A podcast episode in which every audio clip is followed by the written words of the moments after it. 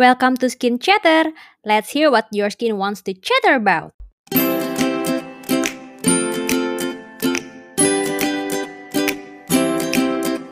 Siapa sih di antara kalian yang belum dengar cerita tentang si dokter dan influencers?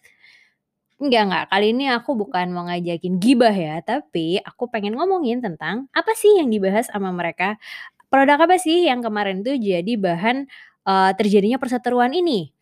Yaitu tidak lain dan tidak bukan hidroquinone. Emang apa sih hidroquinone itu? Kenapa sampai terjadi perseteruan ini gara-gara si zat aktif hidroquinone ini? Yuk kita bahas lebih lanjut. Oke, pertama-tama apa sih hidroquinone itu? Mungkin beberapa di antara kalian udah familiar ya dengan istilah si hidroquinone atau yang biasa disingkat menjadi HQ. Jadi HQ itu sebenarnya zat aktif kimia yang punya nama lain 1,4 dihidroksibenzen. Dia itu pertama kali diperkenalkan oleh seorang peneliti namanya Otel pada tahun 1936. Dia ini diperkenalkan sebagai salah satu agen bleaching. Jadi ternyata setelah ditelusuri lebih lanjut, hidroquinone itu punya kemampuan untuk menghambat oksidasi dari tirosin dan fenol oksidase. Agak susah bahasa-bahasanya ya. Tapi selain itu, si hidrokinon ini juga bisa menghambat produksi dari melanin. Kalau ini udah familiar nih istilah melanin. Dia itu menghambat sintesis RNA dan DNA yang berhubungan dengan pembentukan sel melanosom, yaitu sel yang berperan dalam pembuatan melanin. Melanin ini pigmen kulit ya. Jadi untuk kita yang kulitnya tuh cenderung gelap atau sawo mateng, itu karena kita punya banyak melanin di kulit kita. Nah, si hidrokinon ini cara kerjanya tuh ya menghambat si melanin itu terbentuk tadi. Tapi dia bukan sebenarnya bukan bleaching skinnya, tapi lebih ke arah menghambat produksinya. Jadi bukan yang udah ada dibikin jadi tiada, tapi lebih ke arah uh, menghambat. Dari mekanisme kerjanya barusan, nggak kaget nih kalau kita nge-search tentang hidroquinone di Google, itu pasti yang muncul adalah uh, seputar produk-produk skin lightening, brightening, pemutih kulit. Dulu banget nih, sebelum pelarangan oleh BPOM di tahun 2008, di Indonesia, haki ini banyak digunakan di produk-produk kosmetik jadi sebelumnya itu dia boleh dipakai bebas, ada di kosmetik sebagai si brightening. Namun pada tahun tersebut muncullah larangan dari BPOM sehingga HQ ini hanya boleh beredar dalam bentuk obat yang membutuhkan resep dari dokter alias nggak dijual bebas. Jadi kalau dulu misalkan ada body lotion yang mengandung HQ pada tahun 2000-an gitu, sekarang udah nggak boleh ada nih body lotion, terus, uh, moisturizer itu udah nggak boleh ada yang mengandung HQ. Krim hidroquinone untuk dosisnya sendiri sebagai obat yang tersedia itu di pasaran bermacam-macam, mulai dari 0,5 sampai paling gede itu 4%. 2 sampai 4% ini biasanya digunakan oleh orang dewasa dengan cara dioleskan merata untuk mengatasi hiperpigmentasi dan dia biasanya dioleskan setiap 12 jam sekali pada pagi dan pada malam hari. Selain orang yang mengalami hiperpigmentasi, dokter itu biasanya meresepkan hidrokinon krim ini juga pada orang yang mengalami melasma. Beberapa penelitian menyarankan penggunaan bersamaan dengan retinoid dan kortikosteroid. Yang paling umum digunakan tuh triple combination cream terdiri dari hidrokinon 4%, tretinoin 0,05% dan dan fluosinolon asetonit 0,01%. Ini triple combination yang biasa diresepkan oleh dokter. Tapi tergantung lagi ya. Uh, kan bergantung pada kebutuhan masing-masing pasien. Dokternya juga nanti akan melihat kondisi pasien lebih cocok menggunakan produk yang mana. Si krim hidrokinon ini sendiri juga tidak disarankan penggunaannya untuk anak-anak dengan usia di bawah 12 tahun.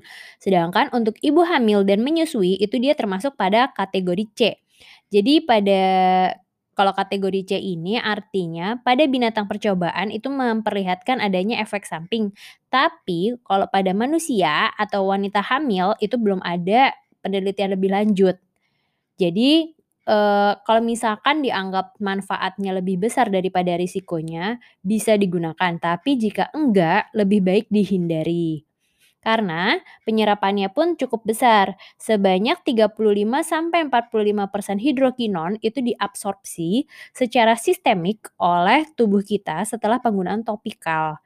Mmm, sebenarnya nggak bisa diomongin kayak gini sih, cuma kalau di diambil gambaran kasarnya, misalkan kita ngolesin 10, seenggaknya itu 4 itu keserap masuk ke dalam sistem, eee, sistem tubuh kita, gitu.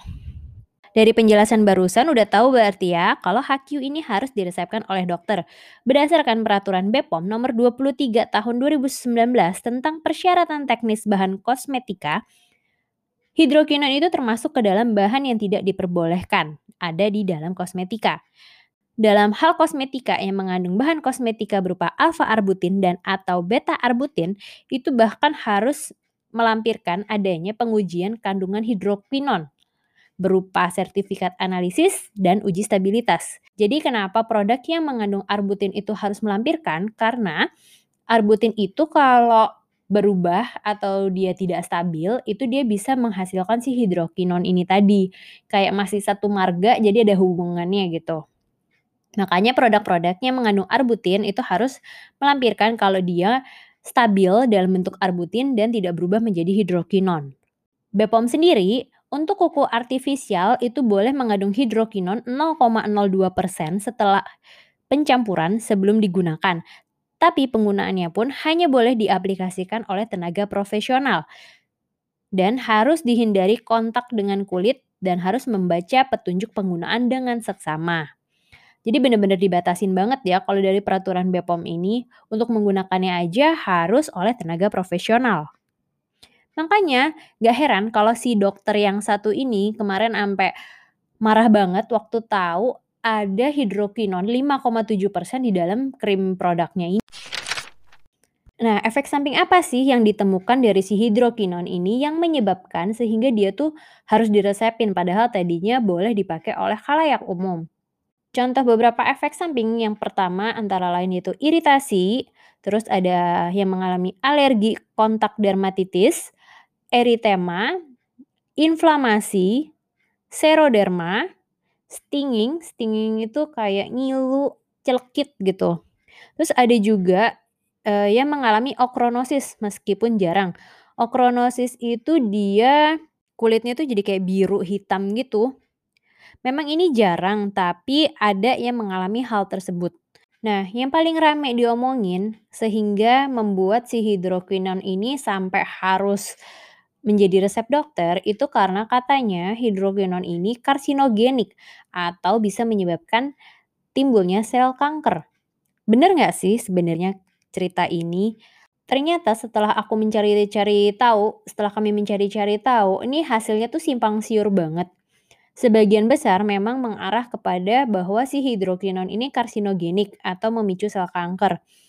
Ha hasil-hasil itu ditunjukkan pada jurnal-jurnal yang menyatakan bahwa si hidrokinon ini menimbulkan memicu terjadinya sel kanker pada hewan-hewan uji. Tapi nih, aneh banget aku malah nemu ada jurnal yang menyatakan kalau ternyata hidrokinon itu bisa menyembuhkan Eh, bukan menyembuhkan, dia ternyata berpotensi untuk menjadi obat kanker. Wow! Jadi yang satu bilang dia menimbulkan kanker, yang satunya malah bilang dia bisa berpotensi untuk mengobati kanker. Memang dia bilang masih membutuhkan penelitian lebih lanjut nih kalau dari penelitian, eee, tahun 2018 ini. Tapi tidak menutup kemungkinan adanya si potensi dari si HQ ini.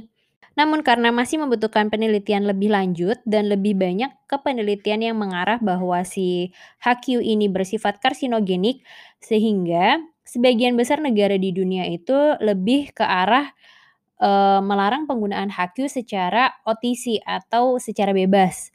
Jadi lebih ke arah boleh tapi dengan resep dokter sehingga berhati-hati dalam penggunaan. Emang kenapa sih dia sampai harus diresepin dokter nggak boleh pakai gitu aja?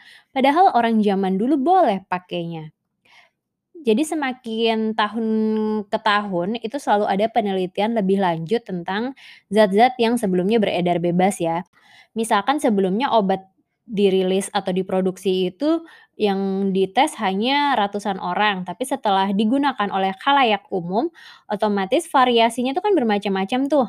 Bisa karena genetik misalkan atau pola hidup seseorang yang mempengaruhi sistem tubuhnya menjadi berbeda dengan yang lainnya, sehingga mereka juga menimbulkan reaksi-reaksi efek samping yang berbeda-beda pula. Dan karena ini akhirnya yang tadinya boleh menjadi tidak boleh, kayak gitu.